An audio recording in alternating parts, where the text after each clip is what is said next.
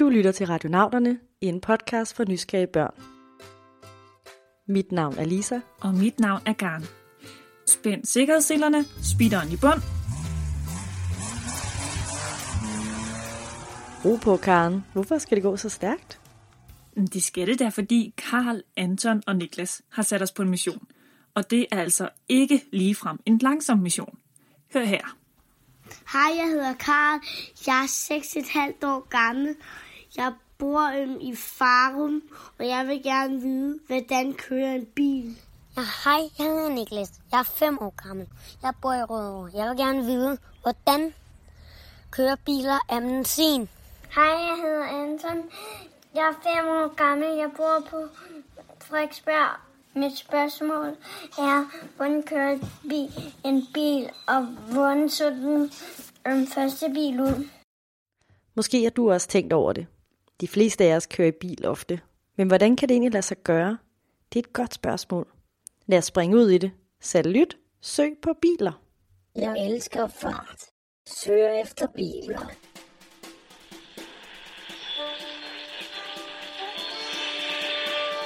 Hendes nye autobil kører i timen 8 mil. Tøf, tøf, tøf, tøf, tøf, tøf, tøf, tøf, tøf.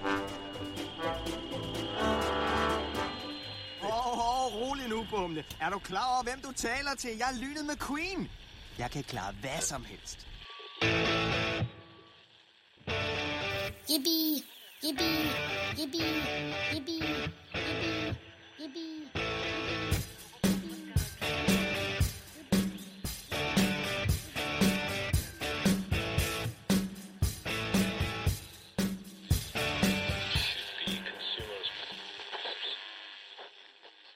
Man kan gå, eller man kan cykle, men det er altså kun i bil, at man kan køre virkelig, virkelig hurtigt.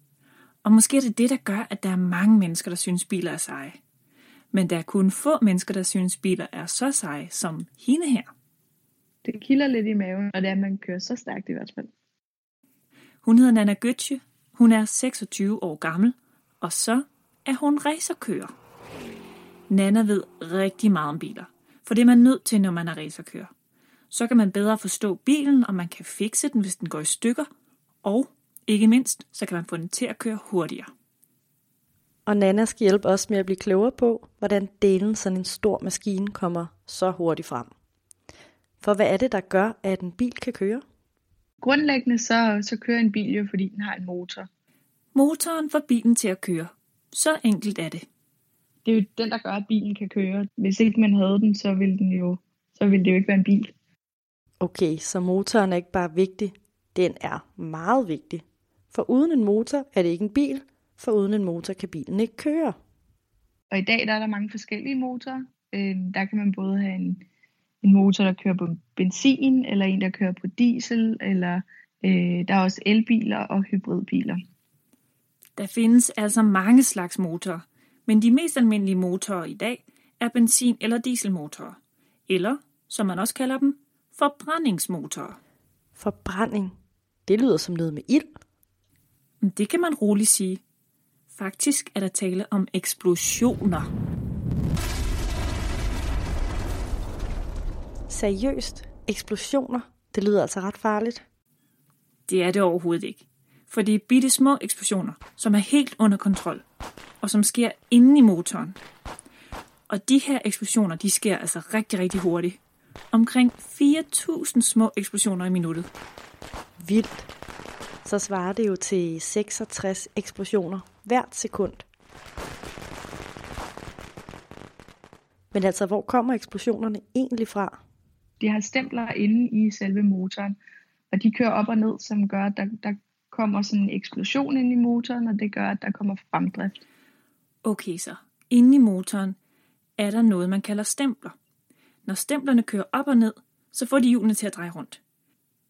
Lidt ligesom når du træder rundt i pedalerne på din cykel, så kører benene op og ned, og det får hjulene til at dreje rundt. Men hvad har det med eksplosionerne at gøre? Når du træder i pedalerne på en cykel, så bruger du en masse energi. Og det er den energi, der får hjulene til at dreje rundt. I en bil er den kraft, du laver med dine ben, byttet rundt med de her eksplosioner, som altså skaber en hel masse energi, og det er det, der får bilens hjul til at køre rundt. Så i stedet for, at det er ens ben, der presser stemplerne op og ned, så er det de her små eksplosioner, der presser stemplerne op og ned. Men hvordan bliver eksplosionerne ved stemplerne så lavet? Her kommer benzin ind i billedet. Når stemplerne kører op og ned, bliver der meget varmt. Og når man så tilfører noget benzin, så antænder benzinen og eksploderer. Og den lille eksplosion skubber så igen til stemplerne.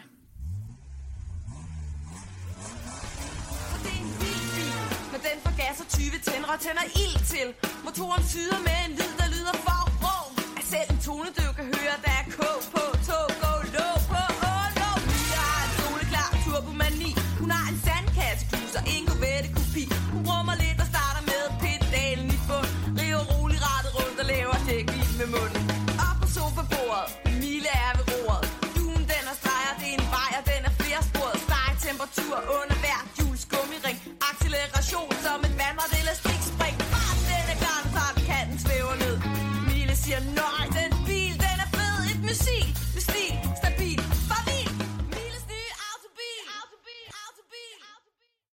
har nok alle sammen prøvet at være på en tankstation. Der lugter ret kraftigt, og så skal man sidde der og vente, mens mor eller far får tanket bilen. Niklas undrer sig over, hvorfor benzinen kan få bilen til at køre. Specielt fordi den er så tynd. Den er jo faktisk flydende. Ja, det er også lidt underligt. Men igen kan du tænke på dig selv på cyklen. Hvad gør dig i stand til at træde pedalerne? Mad. Energi. Og motoren er ligesom os mennesker. Hvis den skal kunne få hjulene til at køre hurtigt, så skal den have noget energi. Vi får vores energi fra mad, og motoren får det fra benzinen. Men det kunne også lige så godt være diesel. Og det er smart, at benzin er flydende. For så er det let at hælde på bilen, og det skal ikke først tykkes af et par tænder. Benzin er også smart, fordi det meget let brænder. Vores mad antænder heldigvis ikke inde i vores kroppe. Men benzinen antænder inde i motoren. Så øh, der må godt nok blive varmt derinde i motoren med alle de her mange små eksplosioner. Det bliver utrolig varmt derinde. Derfor fylder man ikke kun benzin på bilen for at få den til at køre. Det er også vigtigt med andre væsker. For eksempel til at køle motoren ned, så den ikke brænder helt sammen. Og så er der en masse dæksler, øh, hvor man kan fylde vand på, for eksempel, og man kan fylde noget fors- forskellige væsker på, som er med til at for eksempel køle bilen, så den ikke bliver for varm og går i stykker. Det er et stort system, der, der egentlig skal til, for at det hele fungerer. Ja, motoren er et stort system, der både har brug for varme, kulde og stempler, der kører hurtigt op og ned. Og en hel masse mere mekanik. Men brændstof er en af de vigtigste. Men der var en gang, hvor det ikke var benzin eller diesel, eller for den til skyld el, der fik hjulene til at køre rundt. Det er meget lang tid siden. På den tid, hvor dine bedste forældres forældre levede. Og længe før det.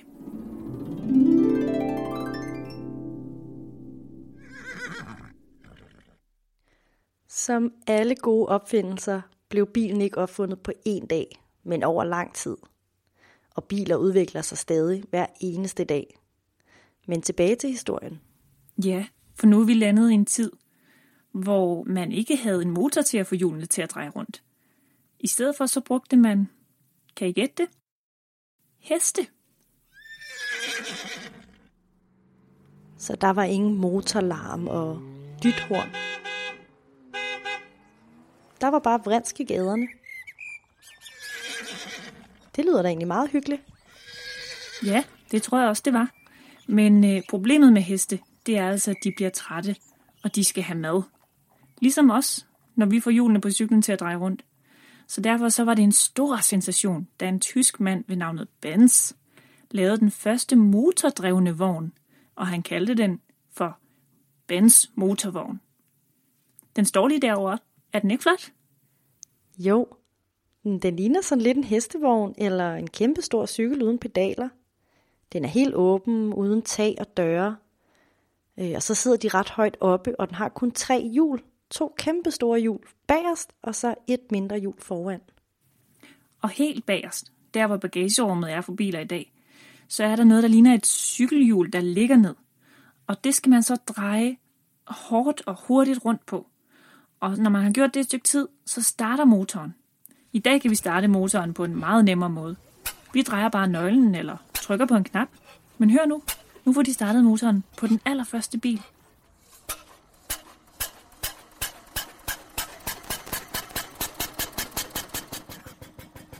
Det lyder lidt anderledes, end en motor gør i dag. Men faktisk så er det det samme system, som man bruger i dag, selvom selve bilen ser en del anderledes ud. Sikke en succeshistorie, han havde ham Benz. Jo, men faktisk ikke fra begyndelsen. De første motordrevne vogne solgte ikke lige frem sig selv. For hvorfor skulle man bruge det der larmende, skøre stykke mekanik i stedet for sin heste? Benz og de andre tidlige bilfabrikanter havde altså svært ved at sælge deres biler. Og så var det, de fandt på, at de kunne sammenligne bilernes styrke med heste. På den måde forklarede de, at en bil for eksempel kunne have tre eller fire hestekræfter. Altså ligesom hvis den havde tre eller fire heste foran, som kunne trække helt vildt meget. Og øh, på den måde så begyndte folk langsomt at forstå, at det var altså meget effektivt det her med at bruge en bil, fordi den kunne trække meget mere end hestene kunne. Og den dag i dag bruger man stadigvæk hestekræfter til at vurdere bilers styrke. Sejt, ikke?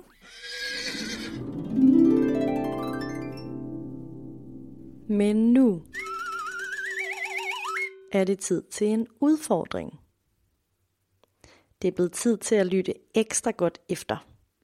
Kan du gætte, hvad det her er?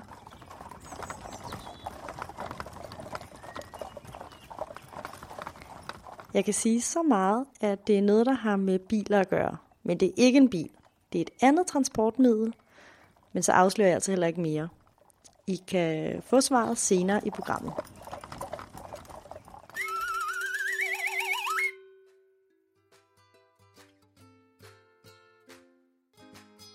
Hvis du også går og undrer dig over noget, om det er om raketvidenskab, Disneyfilm, farverige fisk eller tidsmaskiner, så vil vi meget gerne høre fra dig. Radionavnerne er altid klar til en ny mission. Du kan enten selv optage dit spørgsmål og sende det til os, eller du kan få en voksen til at hjælpe dig og sende det til vores mail info I kan se på radionauterne.dk, hvordan I gør.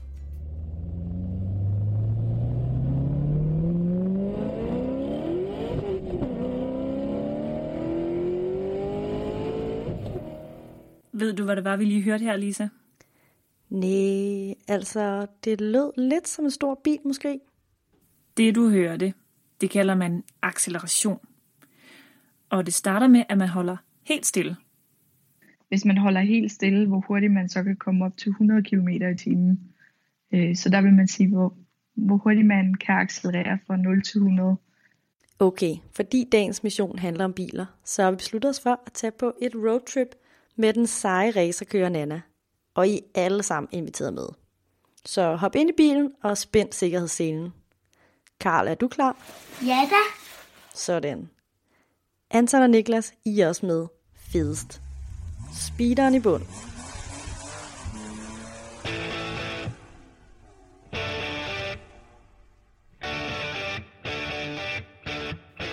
En racerbil accelererer fra 0 til 100 km i timen på bare 2 sekunder. 1, 2. Mens en almindelig, sådan god familiebil tager små 10 sekunder, før den er oppe på 100 km i timen. 1, 2, 3, 4. Ja, det gider vi ikke engang vente på. Men I kan jo prøve at spørge jeres mor eller far næste gang, I er ude at køre på motorvejen, hvor hurtigt jeres bil kan accelerere. Juhu!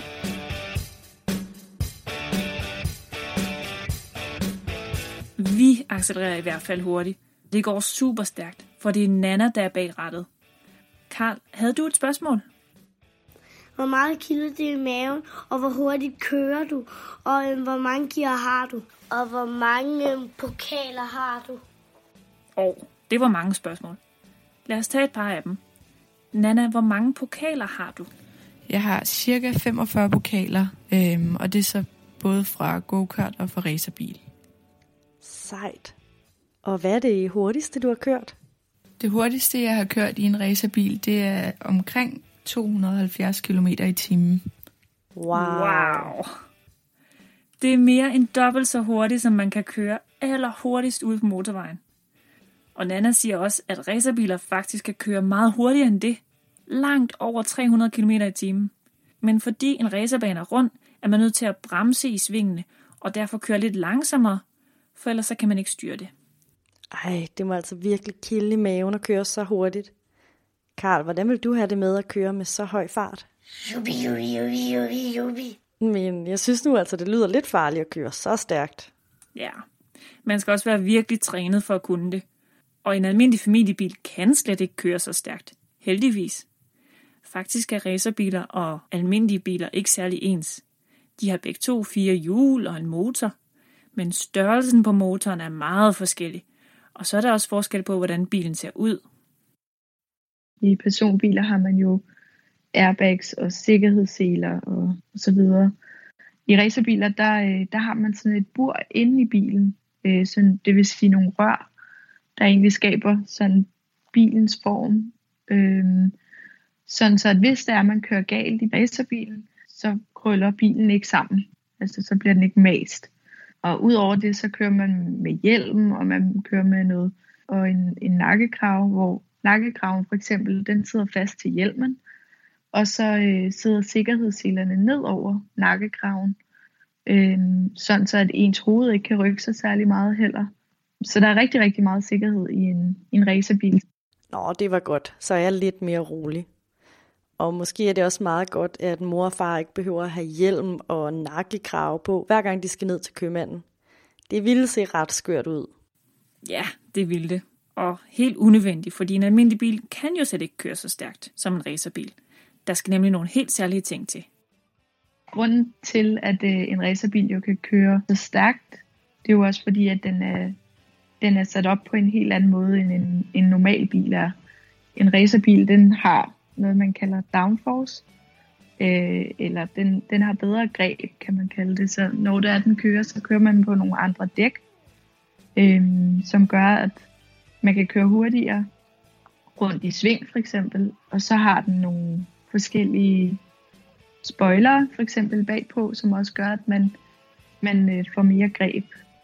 Downforce, det betyder en styrke eller en kraft, der trækker nedad. Og det har man altså brug for, når man kører en racerbil. For måske kan I huske fra andre afsnit af radionauterne, for eksempel det om flyvemaskiner, at fart er en af de ting, der skal til for at lette. Men øh, der er altså ingen racerkører, der er interesseret i lette, og derfor er deres bil indrettet til at holde rigtig godt fast på vejen.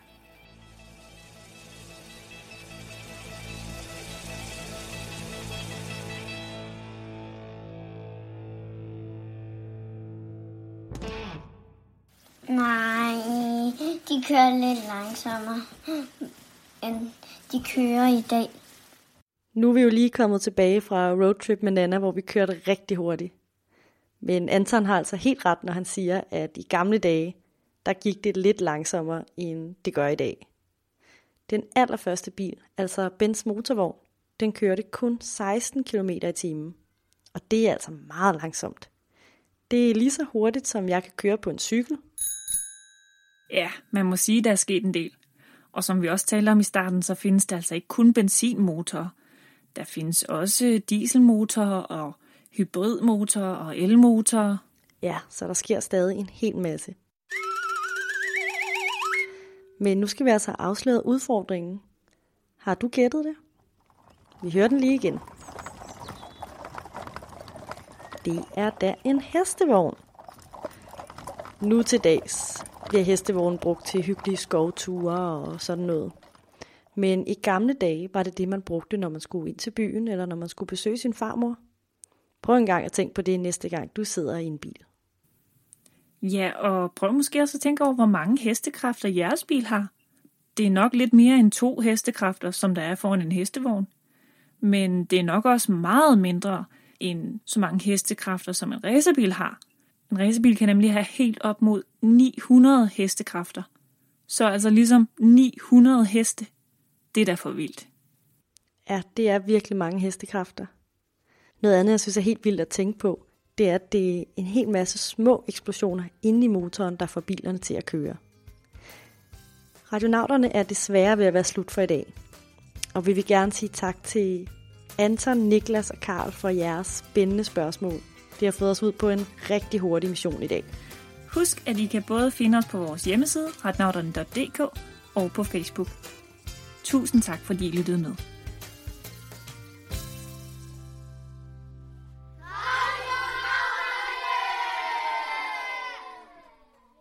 Afsnittet er produceret og redigeret af Karen Birkegaard og Lisa Bay.